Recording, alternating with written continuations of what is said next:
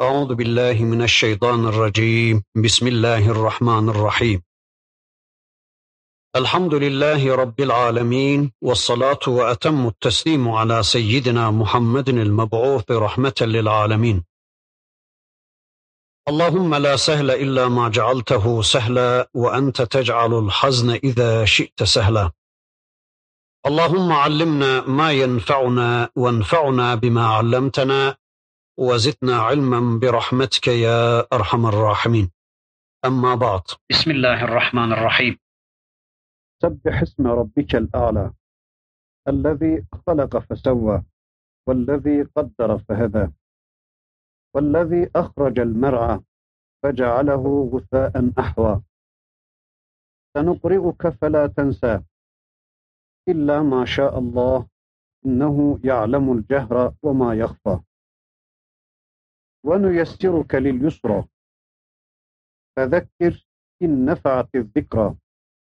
سيذكر من يخشى ويتجنبها الأشقى الذي يصلى النار الكبرى. ثم لا يموت فيها ولا يحيا. قد أفلح من تزكى وذكر اسم ربه فصلى. بل تؤثرون الحياة الدنيا والآخرة خير وأبقى. إن هذا لفي الصحف الأولى صحف İbrahim ve Musa. Sadakallahu azim. Rahmeti bol olan Rabbimizin rahmetinin eseri ve kelam sıfatının tecellisi olarak tenezzül buyurup bize kendini tanıtma adına, bizi kendisinden haberdar etme adına ya da bize kulluğumuzu hatırlatma adına inzal buyurduğu bir sureyle karşı karşıyayız. İnşallah bu dersimizde bu sureyi tanımaya çalışacağız. Kulluk kitabımızın 87. sırasında yer almış bir sure. Surenin adı Ala suresi. Eğer biz parayı düşündüğümüz kadar alayı düşünseydik, paranın peşine takıldığımız kadar alanın peşine takılsaydık, inanın bugün bu vaziyette olmayacak. Sure Ala suresi Mekke'de nazil olmuştur. Rivayet edilir ki Allah'ın Resulü Hazreti Muhammed Aleyhisselam'a Vakıa suresinin son ayet-i kerimesi Fesebbih ismi rabbikel azim ayet-i kerimesi nazil olunca Allah'ın Resulü tüm namazlarının rükusunda Subhane Rabbiyel Azim, Subhane Rabbiyel Azim demeye başlamış ve daha sonra Ala suresi nazil olduğu zaman Ala suresinin ilk ayet-i kerimesi Sebbih isme rabbikel Ala ayet-i kerimesi nazil olunca da Allah'ın Resulü tüm namazlarının secdesinde Subhan Rabbiyel Ala, Subhan Rabbiyel Ala demeye başlamıştır. Sureyi bir anlayabilsek, sureyi bir tanıyabilsek, surenin ayetleri içine bir nüfuz edebilsek inanın Rabbimiz bu suresinde hayatın tümünü, tevhidin tümünü tesbihatın ve tahmidatın tümünü bu surede anlatıvermiş, işleyivermiş. Allah'ın Resulü Cuma ve bayram günlerinde, Cuma ve bayram namazlarında Gâşiye suresiyle beraber bu sureyi yani Ala suresini okurdu. Yine kainatın seyyidi bitir namazlarında yatmadan önce İhlas suresini, Kafirun suresini ve Ala suresini okurdu. Biz de tanıyacağız sureyi, biz de anlayacağız manasını, muhtevasını ve biz de bu sureyi yatmadan önce bitir namazlarımızda okuyacağız. İmanımızı yenileme adına, kulluğumuzu yenileme adına, tevhidimizi, teslimiyetimizi yenileme adına yatmadan önce bu sureyi okuyacağız ve bu tecditten sonra, bu yenilemeden sonra yatağımıza uzanıp Allah'ım işte böylece canımı al diyeceğiz. Bu iman üzere, bu tevhid üzere, bu teslimiyet üzere, bu ahd üzere canımızı al Allah'ım diyeceğiz. Allah'ın Resulü bitir namazında Ala suresini okuduktan sonra tevhidini, kulluğunu, teslimiyetini yeniledikten sonra yatağının üstüne, iki dizinin üstünde oturur ve Allah'a şöyle dua ederdi. Ya Rabbi şu yatacağım ölüm uykusundan beni sabaha canlı çıkarırsan sana söz veriyorum yarınım bugünümden hayırlı olacak. Dikkat ediyor musun? Ya Rabbi şu yatacağım ölüm uykusundan beni sabaha canlı çıkarırsan, sağ salim çıkarırsan Allah Allah. bizim için garanti ya. Hiç düşünmüyoruz değil mi? Yarın mutlaka yaşayacağız. Sabahleyin mutlaka kalkacağız. Hiç ölümü, yarın öleceğimizi düşünmeyiz biz. Ama bakın peygamberiniz Allah'ın Resulü Hazreti Muhammed Aleyhisselam aynen öyle diyor. Ya Rabbi şu yatacağım ölüm uykusundan beni sabaha sağ salim çıkarırsan, canlı çıkarırsan sana söz veriyorum yarınım bugünümden iyi olacak. İşte biz de Ala suresini okuyacağız. O şekilde yatağımıza uzanacağız. Böylece canımızı al Allah'ım diyeceğiz. Eğer Allah yarın tası gün bizi bir daha kaldırmış, canımızı almamışsa o zaman bir daha, bir daha, bir daha sürekli devam edeceğiz. Sure şöyle başlıyor. Sebbihisme rabbikel ala. Peygamberim Rabbinin en yüce ismini tazim et. Yücel, büyükle ki ellezî halaka fesevva. O yarattı, düzenledi de. Yaratan da odur, düzenleyen de odur. İşte birinci bölüm böyle. Tesbih kelimesi Allah'ı tam ve mükemmel kabul etmek. Yani Allah'ı kendi sıfatlarıyla beraber kabul etmek. Allah'a Allah'ın sıfatlarıyla birlikte inanmaktır. Tesbih Allah'ı mükemmel kabul etmek. Allah'ı mübarek kabul etmektir. Allah'ı kendi sıfatlarıyla beraber kabul etmek. Yani Allah'a ait olarak bildiğimiz sıfatların tümünü Allah'la beraber kabul etmek işte bu tesbihtir. Değilse işte elimize tesbihi aldık, bir köşeye çekildik, şöyle insanlardan uzak bir tenhaya çekildik, Allah, Allah, Allah, Allah dedik. Bu tesbih değildir. Eğer biz Allah'ı sadece Allah ismiyle tesbih edeceksek, o zaman bunun başına ya da sonuna bir şeyler eklemek zorundayız. Yani bir şeyler isteme adına bunu demeliyiz. En güzel tesbih Subhan Rabbiyel Ala ve Subhan Rabbiyel Azim demektir. Çünkü Kur'an-ı Kerim mahza Cenab-ı Hakk'ın ala ve azim olduğunu anlatmak için gelmiştir. Demek ki tesbih Allah'ı Bakara'da, Ali İmran'da, Nisa'da, En'am'da Allah kendisini bize nasıl haber verdiyse, hangi sıfatlarla kendisini bize muttasıf olarak anlattıysa o şekilde Allah'ı kabul etmek, o şekilde Allah'a inanmak ya da tesbih Allah'ın sıfatlarını tam kabul etmektir. Ya da sıfatları konusunda Allah'ı tam kabul etmektir. Mesela Allah razzaktır. Allah rızık verir. Allah'ın bir sıfatı var ki o da razzaktır, rızık verir. Ve Allah rızık verme konusunda tamdır, eksiksizdir, kusursuzdur. İşte Allah'ı bu şekilde kabul tesbihtir. Ama rızık konusunda Allah'ı eksik kabul edip yerde bir takım razzaklar arama, Allah'ın bu eksikliğini yerdekilerle giderme cihetine gitme, işte bu şirktir Allah korusun. Mesela Allah alimdir. Allah her şeyi bilmektedir ve Allah'ın bilgisi tamdır. Ama eğer bu konuda Allah'ı eksik kabul edersek, yani bilme konusunda, ilim konusunda Allah'ı eksik kabul edersek, yerde bir takım biliciler ararsak, kayıp bilicileri ararsak ve Allah'ın bu eksikliğini yerdekilerle giderme cihetine, tamamlama cihetine gidersek, Allah korusun işte bu şirktir. Mesela Allah Rab'dır. Allah kanun koyandır. Allah kullarının günlük hayat programını çizendir, tespit edendir. Kulları adına kanun vazetme hakkına sahip olandır. Allah'ı bu konuda eksik kabul eder de yerde bir takım program yapıcılar, kanun koyucular aramaya kalkarsak ya da kabullenirsek Allah'ın bu eksikliğini yerdekilerle giderme cihetine, tamamlama cihetine gidersek işte Allah korusun bu şirktir. Bakın ilk ayet-i kerimesinde Rabbimiz Sebbihisme rabbikel ala buyuruyor. Peygamberim Allah'ın adını, Rabbin en yüce adını tesbih et, tazim et, büyükle. Allah'ın adının münezzeh oluşu, Allah'ın adının mükerrem oluşu, zatının münezzeh oluşundan, zatının mükerrem oluşundandır. Çünkü Allah ismiyle müsemmadır. Hani bu ayet-i kerimede Rabbin zatını tesbih et denmiyor da adını tesbih et deniyor ya, Allah'ın adının mükerrem oluşu, Allah'ın adının mübarek oluşu, zatının mükerrem oluşundan, zatının mübarek oluşu. Zira Allah ile müsemmadır. Fakat Allah'ın dışındakiler için böyle bir şey düşünemeyiz.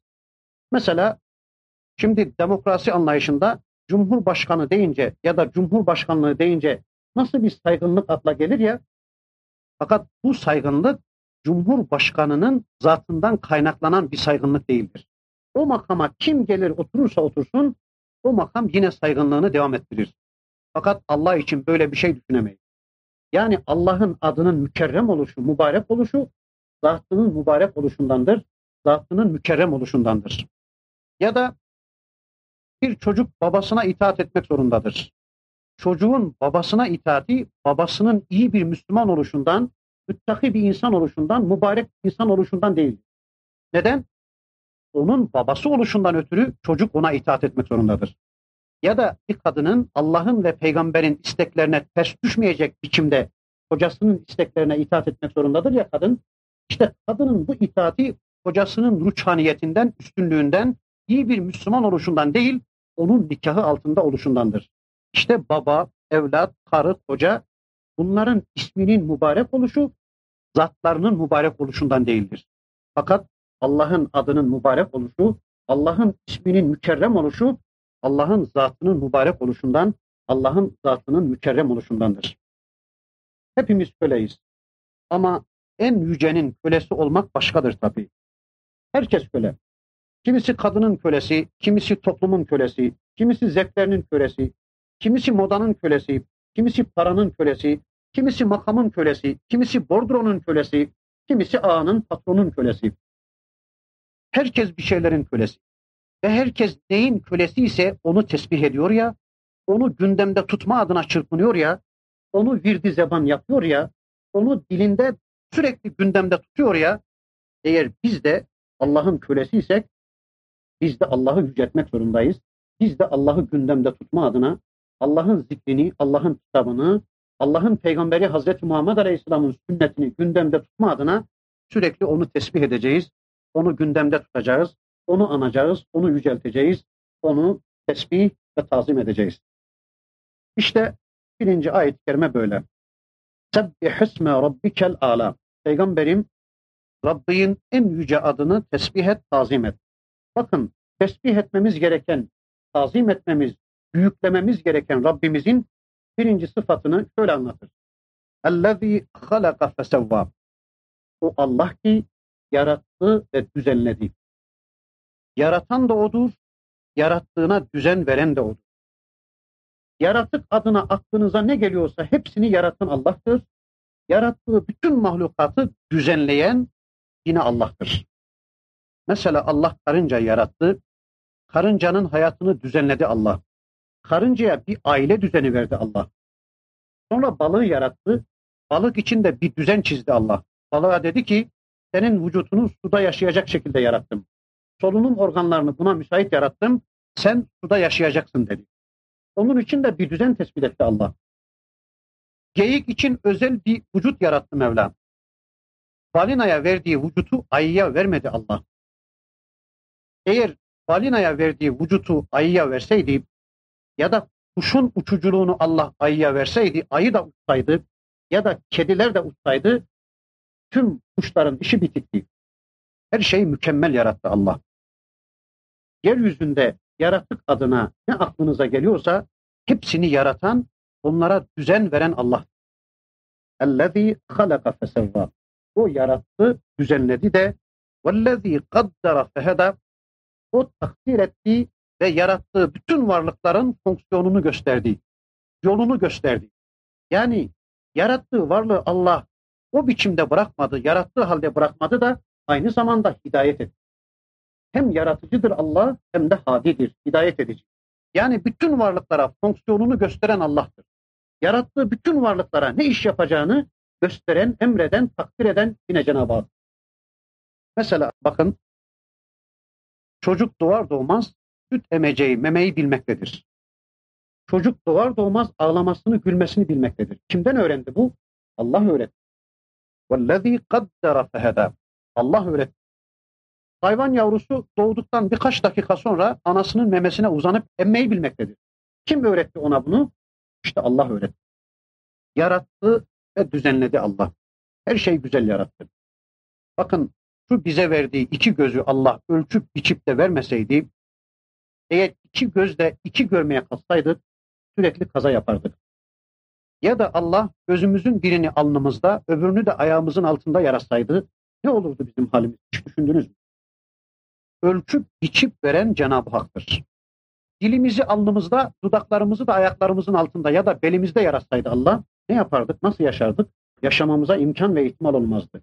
Her şey ölçmüş, biçmiş ve o şekilde vermiştir Allah. Tat alma duygusunu ağzımızın ucunda vermiş, dilimizin ucunda vermiş. Zehiri zamanında fark ediyor ve tutuyoruz. Eğer şu tat alma duygusunu karnımızın içinde verseydi Allah, zehiri tuttuktan çok sonra haberimiz olacaktı ki iş geçmiş olacak. Havamızın içinde yüzde 21 oranında oksijeni ölçülü biçimde yaratan Cenab-ı Hak. Eğer havanın içindeki oksijen yüzde 21 oranında değil de yüzde 50 oranında olsaydı dünyanın neresinde olursanız olun bir kibrit çaktığınız anda bütün kainat cayır cayır yanar giderdi. Neden? Çünkü oksijen yanıcı gaz. Eğer havanın içindeki oksijen yüzde 21 değil de yüzde 5 ya da 10 olsaydı o zaman sırtınızda bir tane oksijen tüpüyle gezmek zorunda kalacak. Ya da bir yerlerden oksijen ithal etmek zorunda kalacak. Bu ölçüyü yaratan da Cenab-ı Hak. Kesici dişleri ağzımızın ön kısmına koyan, öğütücü kalın dişleri ağzımızın arka kısmına koyan Cenab-ı Hak. Eğer böyle olmasaydı, tam zıttı, tersi olsaydı o zaman ağzımıza aldığımız şeyi kesebilmek için ta arkaya uzatmak zorundaydık. Ağzımıza aldığımız şeyi eritirken, yemeye çalışırken de ağzımızın önünde yiyecektik, eritecektik ve dökülecekti. Çok çirkin bir manzara arz edecek. Bu ölçüyü veren Cenab-ı Hak'tır. اَلَّذ۪ي خَلَقَ فَسَوَّى وَالَّذ۪ي قَدَّرَ فَهَدَى Yeryüzünde şu şöyle olsaydı daha güzel olurdu diyebileceğimiz hiçbir şey yok. Hani adamın birisi bu düzeni beğenmemiş, kendi kendine demiş ki yahu keşke tuttuğum her şey altın olsaydı demiş. Eve gelmiş, adamın canı su istemiş, suya el atmış altın. Ekmek canı istemiş, ekmeğe el atmış altın. Düzen çizen Cenab-ı Hak'tır ve çizdiği düzen en güzel düzendir. Karıncadan bile zerrelerden kürelere, yeryüzündeki bütün varlıklar için bir düzen çizen Cenab-ı Hak, bir kanun koyan Cenab-ı Hak. Acaba insanı yarattı da böyle başıboş bırakıverdi mi zannediyorsun? İnsan için de böyle bir düzen çizmedi mi Allah? İnsan için de böyle bir program tespit etmedi mi Allah? Elbette insan için de böyle bir kanun çizdi Allah ama insan irade sahibi olduğu için bazen Allah'a kafa tutuyor, yan çiziyor. İsyan etme iradesine, hürriyetine sahip olduğu için. Cenab-ı Hak güneş için bir kanun tespit etmiş. Demiş ki güneşe şöylece döneceksin demiş. Güneş Allah'a isyan etmeden o şekilde dönmektedir. Ay içinde bir yörünge çizmiştir Allah. Demiştir ki sen bu yörüngede döneceksin. İnsan için de böyle bir yörünge tespit et. Yataktan yatağa. Diyor ki Allah geleceksin yatağa yatacaksın. Uyuyacaksın. Sonra kalkacaksın namaz kılacaksın. Sonra zikirle Kur'an'la meşgul olacaksın. Sonra hadisle sünnetle ilgileneceksin. Sonra çoluk çocuğuna İslam anlatacaksın. Tebliğ ve talimde bulunacaksın. Sonra çevrene Allah'ın mesajını ulaştıracaksın. Sonra öğle namazı kılacaksın. Sonra ikindiyi kılacaksın. Sonra akşamı, sonra yastığı kılacaksın. Ve sonra tekrar gelip yatağa yatacaksın diye işte böyle yataktan yatağa kan içinde Allah görünge çizmiştir. اَلَّذ۪ي خَلَقَ فَسَوَّى وَالَّذ۪ي قَدَّرَ فَهَدَى وَالَّذ۪ي اَخْرَجَ الْمَرْءَ Bir de o Allah iler bitirdi, mer'a bitirdi. Ağaçlar bitirdi, çayırlar, çiçekler, çemenler bitirdi. Bakın Mevla zorlarla bize din anlatmıyor. Felsefi yani insan hafsalasının, insan aklının, mantığının alamayacağı zorlarla Allah bize din anlatıyor. Görünenden, bilinenden, gördüklerimizden, bildiklerimizden dikkat çekerek meralardan, çiçeklerden, çayırlardan, çemenlerden, otlardan, ağaçlardan, bitkilerden misal vererek Allah bize din anlatıyor. وَالَّذ۪ي اَخْرَجَ الْمَرْعَى O Allah mer'ayı da yarattı. Ama فَجَعَلَهُ غُفَاءً ahva. Öyle bir devir gelir ki, öyle bir zaman gelir ki bu çayırlar, çemenler, bitkiler, ağaçlar kurumuştur, kararmıştır, solmuştur ve yakıt hale gelmiştir, yakacak haline gelmiştir. Düşünün dipdiri, taptaze bedenler, gencecik, gencecik kutlar.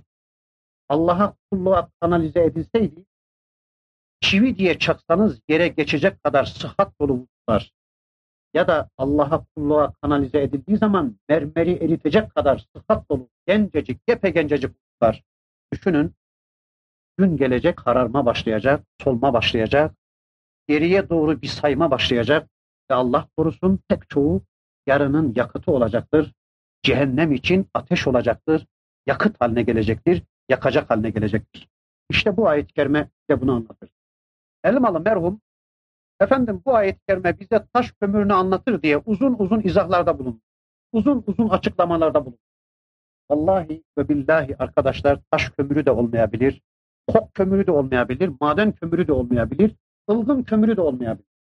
Esasen bu ayet-i kerimenin bize anlatmak istediği maksat şudur. Bu ayet-i kerimeden anlamamız gereken nokta şudur. Hayatın kaynağı Allah'tır. Veren de odur, alan da odur. Az veren de odur, çok veren de odur. Vermeyip mahrum eden de odur, bol verip hesap sormadan, sorulmadan alan da odur. Hayatın kaynağı Allah.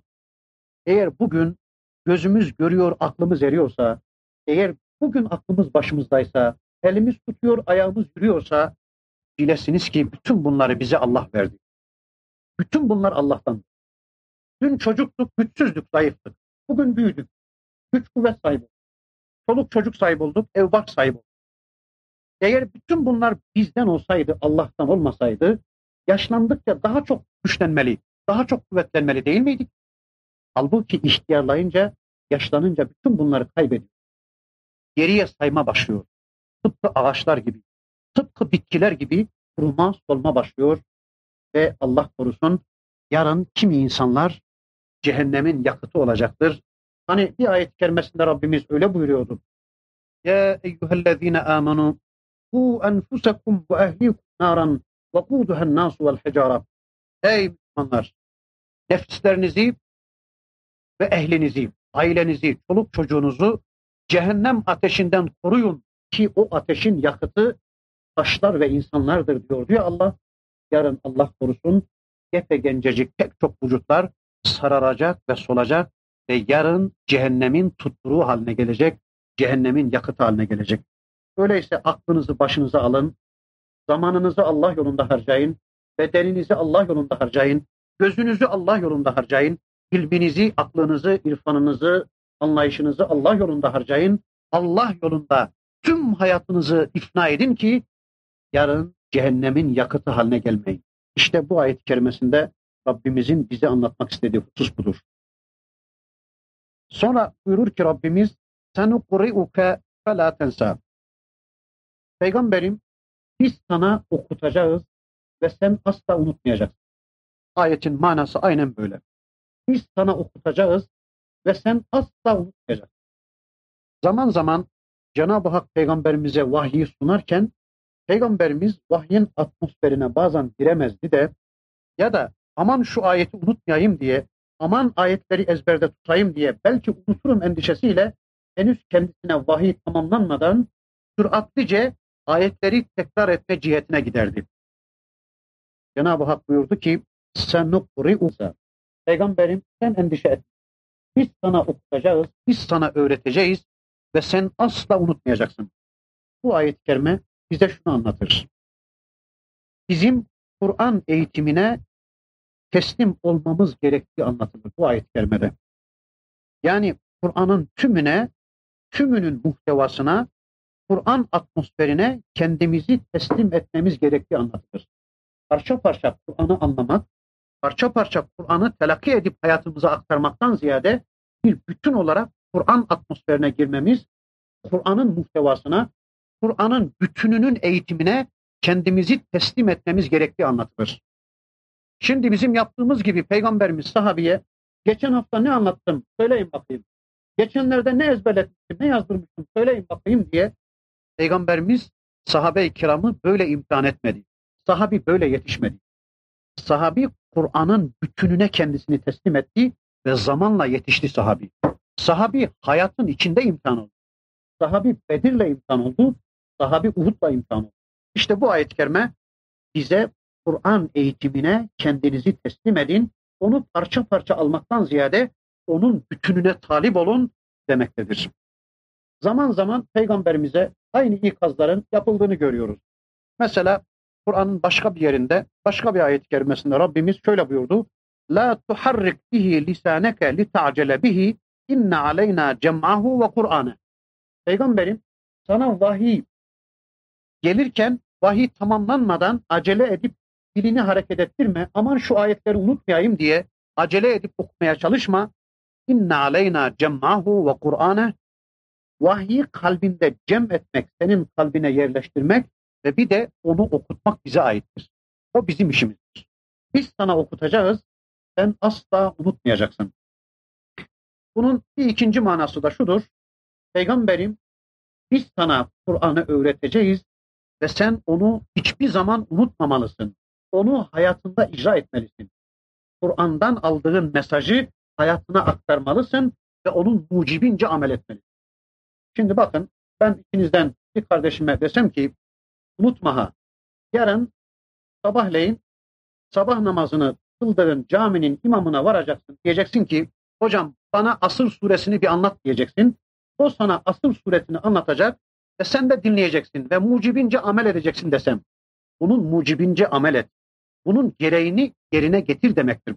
Sakın ihmal etme demek. İşte Allah da bu ayet kerimesinde şöyle diyor. Senukri'uke felâ tensa. Peygamberim biz sana öğreteceğiz, okutacağız ve sen asla unutmama. Onun mucibince amel etmelisin, onu yerine getirmelisin demektir. Öyleyse biz İslam'ı Kur'an'dan öğreneceğiz ve sonra unutmayacağız, onu hayatımıza aktarmaya çalışacağız. Sonra dedi ki Rabbimiz illa maşallah. Peygamberim biz sana okutacağız, öğreteceğiz ve sen asla unutmayacaksın ama bilesin ki unutmaman da bizim elimizdedir. Sakın ha unutmamayın kendi elinde olduğunu zannet. Bilesin ki unutmaman da bizim elimizdedir. Zaman zaman insan olarak peygamberimizin unuttuğu olmuştu. Mesela cemaatle Allah'ın Resulü önde imam bir namaz kıldırdı cemaate, ashab-ı kirama. Bir sure-i şerifi okudu ve bir ayet-i kerimeyi unutarak atladı peygamberimiz. Arkasında namaz kılan Übey bin Kâb, sahabeden Übey bin Kâb dedi ki ey Allah'ın Resulü bu ayet yoksa nesk mi oldu, kaldırıldı mı diye sordu.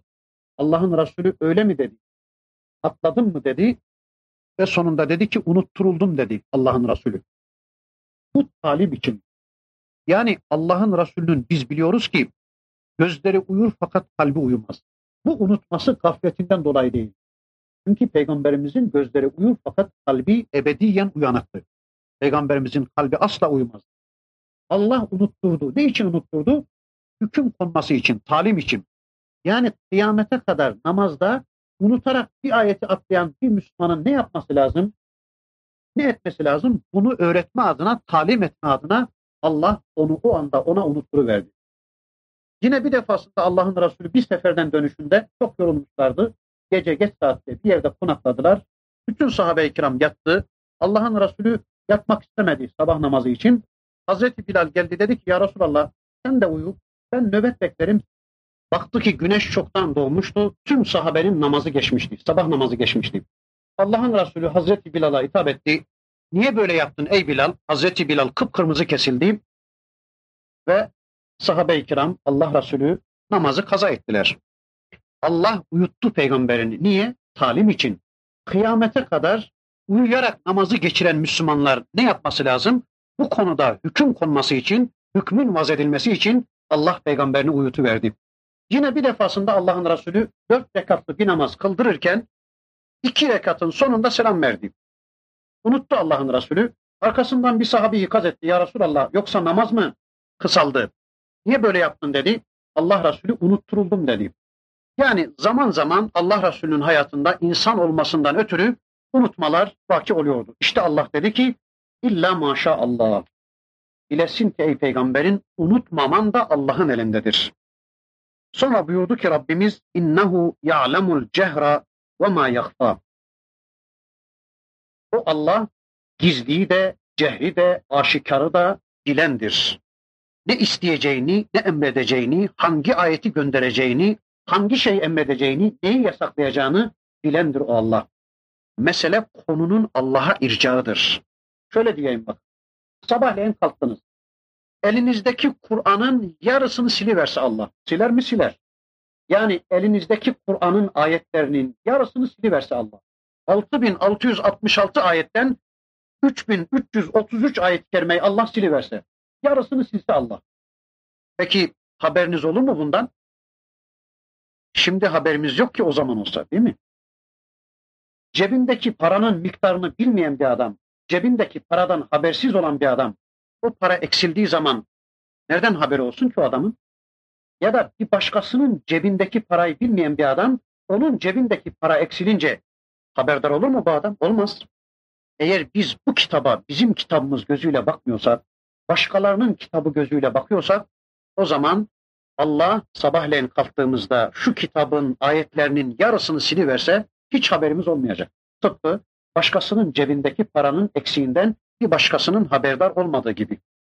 Bu kitaba kendi kitabımız gözüyle bakmıyorsak, kendi cebimiz gözüyle bakmıyorsak, bilmiyorsak, şu anda tanımıyorsak zaten birileri her gün Allah'ın ayetlerini siliyor ama hiç haberimiz olmuyor. Ancak o kitaba benim kitabım gözüyle bakanlar feryat etmeye başlıyor, bağırmaya başlıyor. Aman Allah'ın ayetlerini siliyorlar. Aman Allah'ın ahkamını ilga etmeye kalkıyor zalimler diye bağırmaya başlıyor. Biz ancak o zaman tanıyoruz, o zaman hatırlıyoruz. Sonra dedi ki bakın Rabbimiz ve nuyessiruke bil yusra. Peygamberim biz seni kolaya kolaylayacağız. Biz seni kolay bir hayata kolaylayacağız. Kolaya kolaylayacağız. Peygamberimizin hayatı peygamberliğinden sonra öyle bir kolaylaştı ki bunun tarifi mümkün değildir. Namazı kolaydı, orucu kolaydı, abdesti kolaydı, haccı kolaydı, tesettürü kolaydı, zekatı kolaydı, infakı kolaydı. Ya da Allah'ın Resulü bütün bunları kolay bilmişti, kolay kabullenmişti. Bakın Kur'an-ı Kerim'de başka bir ayet-i kerimeye intihal ediyoruz. Rabbimiz bir ayet-i kerimesinde buyuruyorlar ki Femen yuridillahu en yehdiyehu yeşrah sadrahu lil İslam. Allah kimi hidayete ulaştırmak isterse, kimi hidayette bırakmak isterse Allah onun kalbini, sadrını İslam'a açı verir, genişleti verir. Yani İslam'ı o kişiye kolay getiriverir. Ama bilelim ki bu bizim irademize bağlıdır. Yani biz isteyeceğiz hidayeti, Allah da bizi hidayette bırakacak. Yani bu şu demektir. Kul hidayette kalmayı diler de Allah da onu hidayette bırakmak isterse onun kalbini Allah İslam'a açı verir, İslam'ı ona kolaylaştırıverir. Bilelim ki Allah bizim için hidayetten razıdır, kulluktan razıdır, İslam'dan razıdır, tevhidden razıdır ve teslimiyetten razıdır. Allah bizim için küfürden, inkardan, isyandan, şirkten ve dalaletten razı değildir. Ama her ikisini de yaratan Allah'tır. Kul dilediği müddetçe hidayeti de dalaleti de yaratan Allah'tır. Çünkü her şey Cenab-ı Hakk'ın tekvin sıfatına racidir.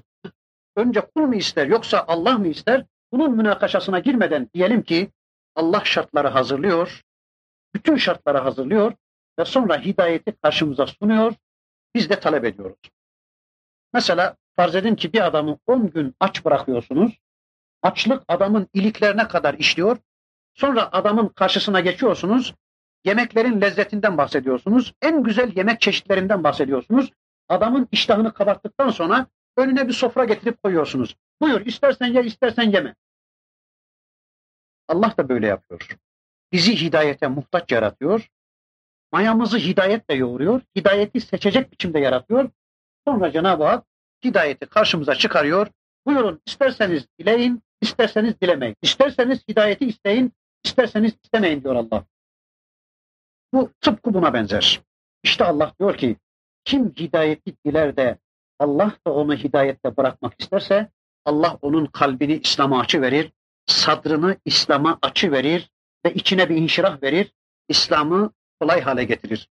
Ama وَمَنْ يُرِدْ اَنْ يُضِلَّهُ Kimi de dalalette bırakmak isterse Allah, yani kişi kendi iradesiyle dalaleti tercih eder de Allah da onu dalalette bırakmak isterse Ayet-i kerimenin devamında Allah diyor ki يَجْعَلْ صَدْرَهُ ضَيِّقًا حَرَجًا كَأَنَّمَا يَصَّعَدُ فِي السَّمَاءِ Allah onun kalbine öyle bir darlık verir ki, Allah onun kalbine öyle bir sıkıntı verir ki, ağaca tırmanıyor değil, dağa tırmanıyor değil, hayvana biniyor değil, sanki gökyüzüne tırmanıyormuş gibi içinde bir darlık hissedecektir, içinde bir sıkıntı duyacaktır ve artık İslam o kişi için zor olacaktır.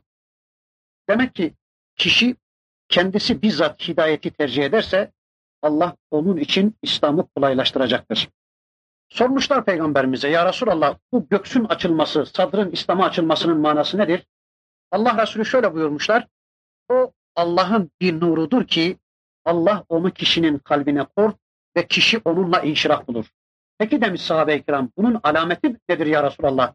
Belirtisi işareti nedir ey Allah'ın Resulü? Allah Resulü buyurur ki kişinin kalbine o nurun konduğunun alameti, işareti şudur.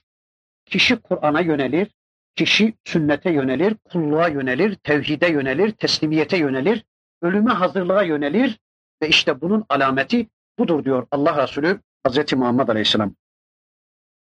Eğer Allah'tan rahat değilseniz, eğer Kur'an sizi sıkıyorsa, eğer hadislerden zevk almıyorsanız, eğer namaza karşı içinizde bir ağırlık varsa, bir isteksizlik varsa, eğer müminlerle beraber olmaktan zevk almıyorsanız, eğer Cenab-ı Hakk'ı hatırlamak, ölümü hatırlamak, kabri hatırlamak sizi sıkıyorsa, eğer sakaldan, sarıktan, cübbeden hoşlanmıyorsanız, eğer çarşaftan, peçeden, namustan, iffetten tiksiniyorsanız, bilesiniz ki pislik içindesiniz.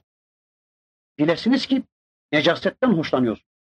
Siz istemediğiniz için Allah size onları sevdirmedi demek.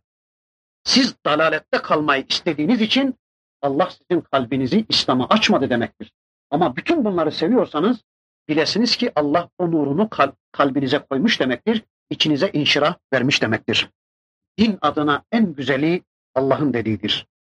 Giyim kuşam adına en güzeli, eğitim adına en güzeli, kazanma harcama adına en güzeli, hukuk adına en güzeli, kanun adına en güzeli, ev teftişi adına en güzeli, kılık kıyafet adına en güzeli, hayat adına en güzeli Allah'ın dediğidir, Allah'ın söylediğidir. En kolayı ve en güzeli Allah'ın dediğidir.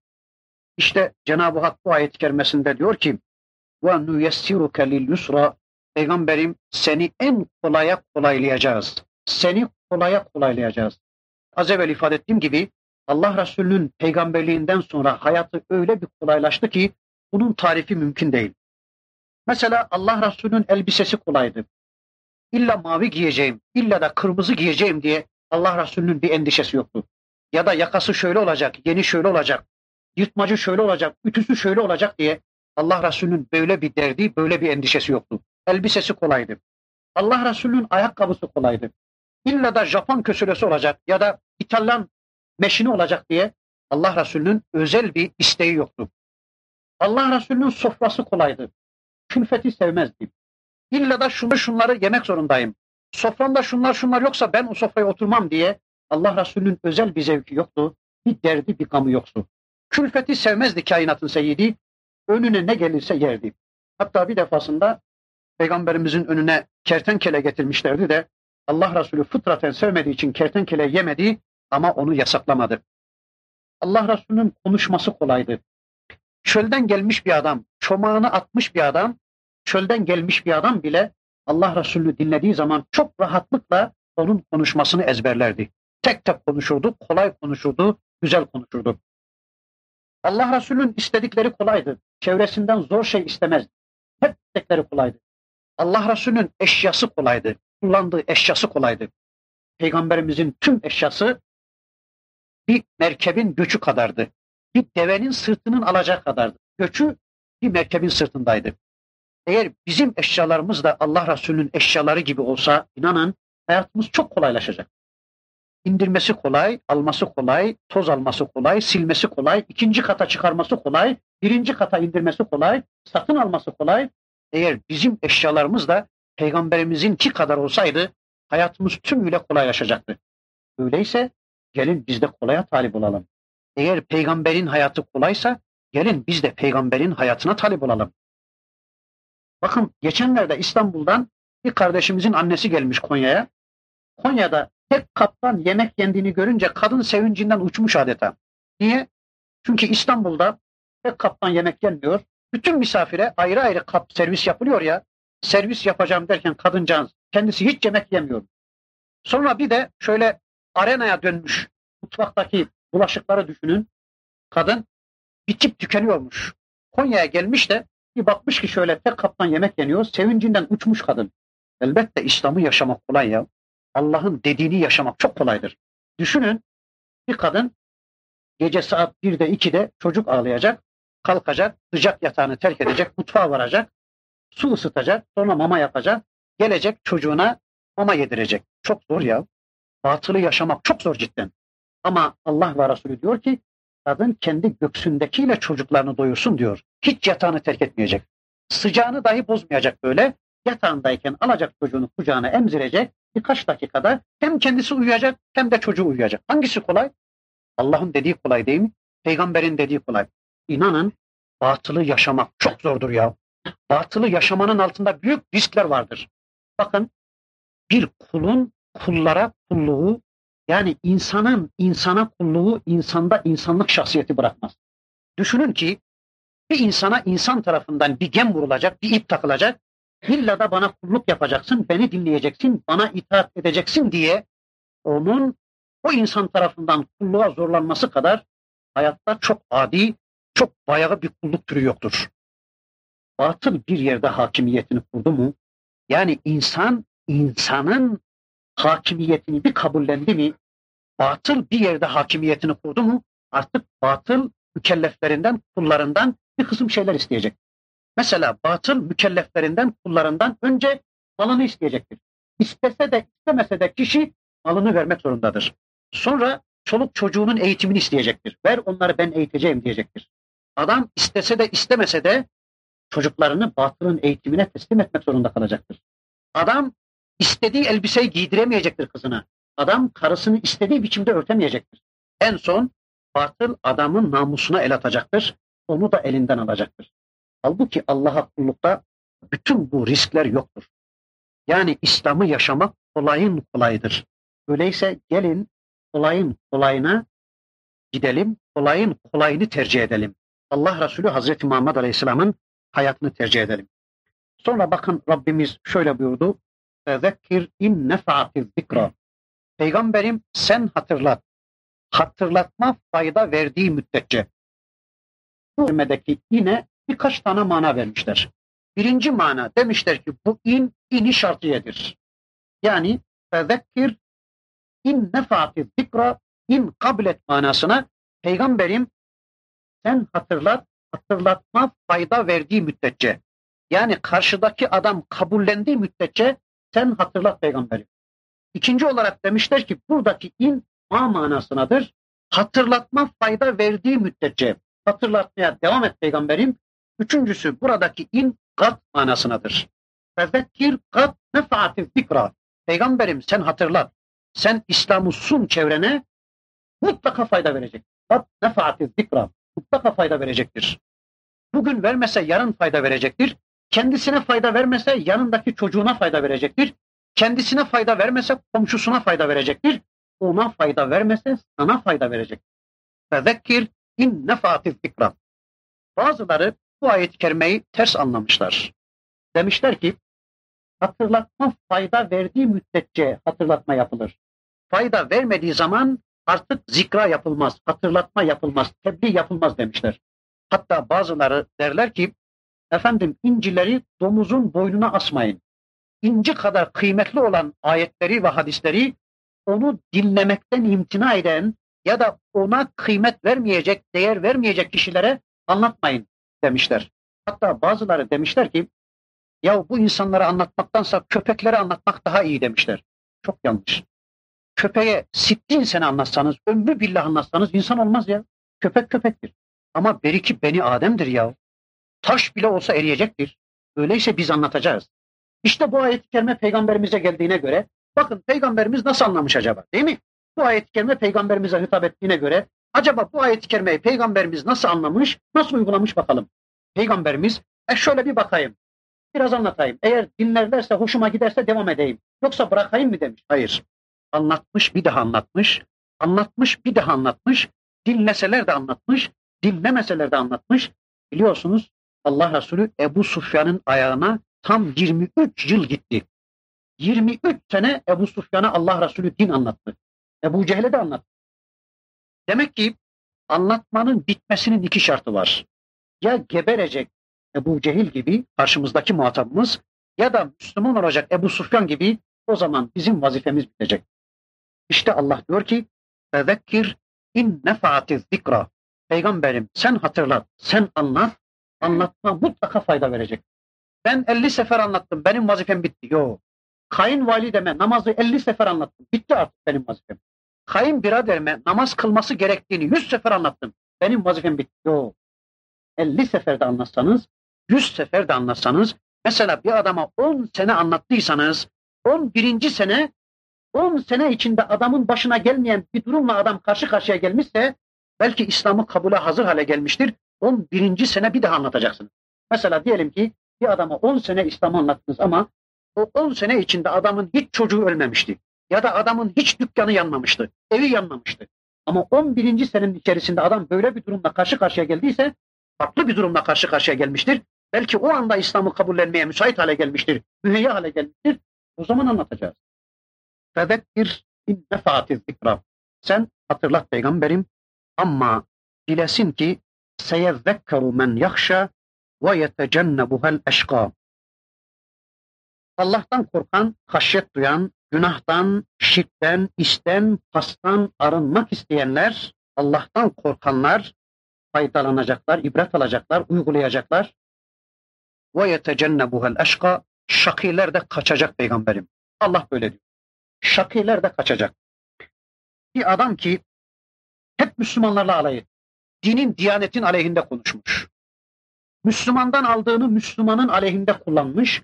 Bu adama yapılacak hatırlatma ile bir Müslümana yapılacak zikra farklı olmalıdır. Yani kafire yapılacak hatırlatma ile Müslümana yapılacak hatırlatma farklı olacaktır. Kafirden itaat isteme şeklinde bir hatırlatma fayda vermeyecektir. Yani kafire karşı yapılacak itaat isteme şeklindeki bir zikra, bir hatırlatma fayda sağlamayacaktır. Mesela bir kafire kalk namaz vakti geldi, namaz kıl denmez. Dense bile fayda vermez. Niye? Çünkü kafir iman etmemiş ki daha. Mesela bir kafir gelse size faizi anlat dese faizi anlatamazsınız. Faizi ne adına terk etmesi gerektiğini önce bir anlatacaksınız. Allah'a imanı, Allah'a teslimiyeti önce bir anlatacağız. Sonra faizi anlatacağız. Ama karşımızdaki Müslüman Müslümansa faizi de anlatırız, namaza da onu çağırırız. İşte karşımızdaki kişi Müslümansa başka zikra yapacağız, başka hatırlatma yapacağız. Karşımızdaki kafirse zikramız, hatırlatmamız farklı olacaktır. Bu hatırlatmaya karşı kimileri müsbet cevap verecektir, uygulamaya koyacaktır. Kimileri de menfi cevap verecek, kaçacaktır. Şunu diyeyim bakın. Bir hatırlatma hadisesinde, bir tebliğ hadisesinde hatırlatana yönelik veçe vardır. Bir de hatırlatılanlara yönelik yönü vardır. Mesela diyelim ki içinizden bir kardeşim hatırlatan olsa bana dese ki kardeş aklını başına al. Yarın ölüm var, ahiret var, kabre gireceksin. Gel biraz Kur'an-ı Kerim tanı. Gel biraz peygamberin hadisiyle ilgilen. Biraz sünneti tanı. Yarın ne olur ne olmaz kötü bir durumla karşı karşıya gelebilirsin diye bana hatırlattı. Bakın hatırlatan o, hatırlatılan benim. Hadisenin bir bana yönelik yönü vardır, bir de hatırlatan kişiye yönelik yönü vardır. Hatırlatan kişiye yönelik yönü şöyledir. Sözüm tutuldu tutulmadı. Benim sözümü anladı ya da anlamadı. Uygulamaya koydu ya da koymadı. Onu ilgilendirmez. Hatırlatan kişi sürekli anlatmak zorundadır. Sürekli hatırlatmak zorundadır. Fakat hatırlatılan kişi açısından da iki yön vardır. Ya kaçacaktır ya da uygulayacaktır. Demek ki hatırlatan açısından sürekli hatırlatmak üzerine vaciptir. Dinledi ya da dinlemedi, anladı ya da anlamadı, uygulamaya koydu ya da koymadı, adam olma yoluna girdi ya da girmedi, o hatırlatanı ilgilendirmez. Hatırlatan sürekli hatırlatacak, sürekli tebliğ ve talim edecek. İşte o kaçanlar, diyor ki Rabbimiz, o zikradan kaçanlar, yan çizenler var ya, اَلَّذ۪ي yaslen naral kubra. Onlar büyük bir ateşe yaslanacaklar. Cehennem ateşine yaslanacaklar. Hani dünyada insan yorulur da şöyle bir teneffüse yaslanır ya, dersler bazen sizi sıkar da şöyle bir teneffüse yaslanırsınız ya, Ya da çok yorulursunuz da bir bele yaslanırsınız ya, duvara yaslanırsınız ya, ya da çocuk ana kucağına yaslanır ya, ya da şimdi birileri konum adına ABD'ye, Rusya'ya yaslanır ya, ya da kimileri burada yoruldu, amel işledi, yarın hurilere yaslanacak ya, yarın kılmanlara yaslanacağız ya, yarın cennette gözlerin görmediği, kulakların duymadığı, akıl ve hayallerimizden dahi geçiremeyeceğimiz enva çeşit devletlere, nimetlere, o yastıklara, o yataklara yaslanacağız ya, işte kafirler de cehenneme yaslanacak. Allah korusun. Dünyada yoruldular, çırpındılar. Üstelik bunlar dünyada zora talip oldular. İslam kolaydı ya. Üstelik bunlar zoru yaşadılar dünyada. Kafirlik çok zordur. Tam dinlenmeleri gerekirken, bir yerlere yaslanmaları gerekirken cehenneme yaslanacaklar. Allah korusun. Öyle bir azap ki gözler oyulacak, yerine eritilmiş kurşun dökülecek. Susuz kalacak kişi, su diye bir şey yok. Düşünün Allah korusun, su diye bir şey yok. Hani yaz gününde köpekler toprağı yalar ya bazen, su bulabilir miyim diye toprağın neminden istifade etme adına işte kafirler de toprağı yalayacak orada. Allah korusun. Ya da yanı başında yanan cehennemlik birisinin yarasından şöyle birazcık irin kan domurdu mu su çıktı zannedecek. Koşacak ve arkadaşının göksünden, alnından, sırtından emmeye başlayacak. Allah korusun. En hafifi cehennem azabının en hafifi ayağın altına bir takunya giydirilecek diyor Peygamberimiz. O takunyanın hararetinden beyni kaynar hale gelecek. Dünyada buna dayanılmaz Allah korusun. Dünyada buna tahammül edilmez. Çünkü kişinin ayağının altına bir ateş koysanız beyne ulaşmadan kalbe yaklaşınca hemen kişi ölü verir. Fakat orada ölüm de yok. Diyor ki Allah ثُمَّ لَا يَمُوتُ ف۪يهَا وَلَا يَحْيَا Ne ölecekler orada ne de yaşayabilecekler. Neredesin ey ölüm gel bizi kurtar diyecekler ama ölemeyecekler. Allah Resulü diyor ki can hulkuma gelecek buraya gelecek boğazın bulunduğu yer pek çok örtülü kadın bile burası açıktır Allah korusun. Can hulkuma gelecek ve onlar ölemeyecekler. Sonra diyor ki bakın Rabbimiz kad efleha men tezekka tezekki eden haramlardan kaçınan kurtuldu. Tezekki nedir? Teskiye nedir arkadaşlar? Bu konuda daha önce bir surede bir ayet-i kerime geçmişti. Bakınız Cenab-ı Hak şöyle buyuruyor. İzheb ila firavune innehu daga fekul helleke ila en tezekka. Hani hatırlayacaksınız. Cenab-ı Hak Hazreti Musa'yı Firavun'a göndermişti de o azdı, tuğyan etti. Git onu ikaz et diye, onu irşad et diye Rabbimiz Hazreti Musa'yı Firavun'a göndermişti. Hazreti Musa Firavun'a gelince aynen şöyle dedi. فَقُلْ هَلَّكَ ila en tezekka.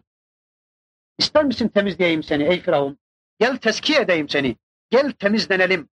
Sana Rabbe giden yolu göstereyim. Sana temizlenmeye doğru giden yolu göstereyim dedi Hazreti Musa. İşte teskiye budur. Nefsin teskiyesi budur. Yani Rabbe giden, Allah'a giden, temizlenmeye giden yola girmektir. Yani Allah'ın istediklerini icra etmek işte nefsin teskiyesi budur. Yoksa işte tesbih eline alacaksın, şöyle bir tenhaya insanlardan uzak köşeye çekileceksin, şunları şunları şunları yapacaksın. Yok, teskiye bu değildir. Teskiye, temizlenme, Allah'ın bizden istediğini icra etmektir. Malın teskiyesi, malın temizlenmesi o malı Allah yolunda kazanıp Allah yolunda harcamakladır, infakladır. Gözün temizlenmesi o gözü hak yolda kullanmakladır. O gözü sahibinin istediği yolda kullanmakladır. Başın temizlenmesi o başı başkalarına göstermemek ve kocası için süslenmektir. Başın temizliği budur. Yoksa işte şu şampuanla başı yıkayacaksın. Yok başın temizliği o değildir. Başın temizliği onu başkalarına göstermemek ve kocası için süslenmektir. Ağzın temizliği estetik ameliyatla değil, filan majonu ya da ya da filan florürü kullanmak değil, ağzın temizliği ağzı vahyin sözcülüğünde kullanmaktır. Kalbin teskiyesi de kalbin temizliği de o kalbi Allah için niyet taşır hale getirmektir. Çünkü kalp bütün fiillerimizin, kavillerimizin ve amellerimizin odak noktasıdır. Kalbin temizlenmesi demek o kalbi Allah için niyet taşır hale getirmektir. Mesela bir kadın diyor ki şimdiye kadar namazı kıldım, kıldım, kıldım. Kalbime bir gurur geldi, içime bir gurur geldi. İçimdeki gururu yenme adına ben namazı bir süre terk ettim diyor. Yok. Burada kalp temizliği istenmez kişiden. Ya da kadın diyor ki İnsanların aklına bir şey gelmesin diye tüm malzememi ortaya açıverdim der. İnsanların aklına bir şey gelmesin diye insanların ellerini sıkmak zorunda kaldım. Yok. Buralarda iyi niyet geçerli değildir. Buralarda kalp temizliği geçerli değildir. Müslümanın evinde şarap şişesi nerede bulunur? Müslümanın evinde şarap şişesi olmaz değil mi? Olmaz. Ya da siz namazın hangi bölümünde Tevrat'tan bir nusa okursunuz? Tahiyyatta mı? Kıyamda mı? Nerede? Secdede mi? Namazda Tevrat'tan bir nusa okunmaz. Ya da namazın hangi bölümünde siz Nuri Sesi Güzel'in bir şarkısını söylersiniz? Söylenmez. Orada iyi niyet geçerli değildir. Mesela bir kadın gördünüz sokakta, gözünüzü şöyle oyu verdiniz. Niye? Kalbim temiz efendim. Çok güzeldi kadın da gözleri güzeldi de başkaları günaha girmesin diye gözlerini oyu verdi. Burada iyi niyet geçerli değil. Öyle değil mi? Kalbin temizliği demek o kalbi Allah için niyet sahibi kılmaktır. قَدْ اَفْلَحَ مَنْ تَزَكَّى وَذَكَرَ اسْمَ رَبِّهِ فَصَلَّى Bir de Rabbini zikreden, onu da namaz olarak uygulamaya koyan kişi kurtulmuştur. Zikrin manasını daha önce söylemiştim. Zikir her bir konumda, her bir makamda Allah'ın bizden istediğini hatırlamak ve onu uygulamaya koymaktır. Mesela farz edin ki tuvalette hatırladınız Allah'ı. Ne ister Allah sizden? Sol eli kullanın der. Tuvalette bir şey yiyip içmeyin der. Konuşmayın ve çabuk çıkın derse o zaman işte bunu icra ettiğiniz zaman işte bu Allah'ı hatırlamadır. Yemeğin başında Allah'ı zikrettiniz, hatırladınız. Ne istiyor Allah sizden? Sol elle yemeyin, sağ elle yiyin, önünüzden yiyin ve bir de besmele çekin diyor değil mi? İsraflı yemeyin. İşte bunu uygulamak zikirdir. Yoksa yemeğin başında besmele çekseniz o zikir değildir. Çünkü zikir hatırlamaktır. Neyi hatırlamak? O anda Allah'ın bizden ne istediğini hatırlıyor ve icra ediyorsak işte bu zikirdir. Mesela elbiseyi üzerinize giyerken besmele çektiniz. Bu zikir değildir. Zikir hatırlamaktır. Yani o anda Allah bizden ne istiyor? Geniş bir elbise giymemizi istiyor. Farz edin ki bir kadın üzerine daracık elbiseyi giyerken besmele çekiyor. Diyor Allah hatırladı. Hatırlamadı o. Hatırlasaydı Allah o anda diyecekti ki ona o pardüsüyü giyme. O ten rengindeki çorabı giyme. Allah böyle diyecekti değil mi? İşte zikir Allah'ın her bir konumda, her bir makamda bizden istediğini hatırlayıp onu icra etmektir. Kur'an-ı Kerim'deki bir suresini kısa hatlarıyla da olsa size arz etmeye çalıştım. Allah dinlediklerimizle amel etmeyi, dinlediklerimizi, anladıklarımızı hayatımıza aktarmayı hepimize nasip ve mukadder kılsın. Dinlediğiniz, anladığınız bu sureyi inşallah siz de birilerine anlatacaksınız. Rabbimizin ayetlerini gündemde tutma adına, Peygamberimizin sünnetini gündemde tutma adına böyle ciddi bir çalışmanın içine girelim. Allah hepimizden razı olsun. Subhan rabbike rabbil izzeti amma yasifun ve selamun alel murselin. Velhamdülillahi rabbil alemin.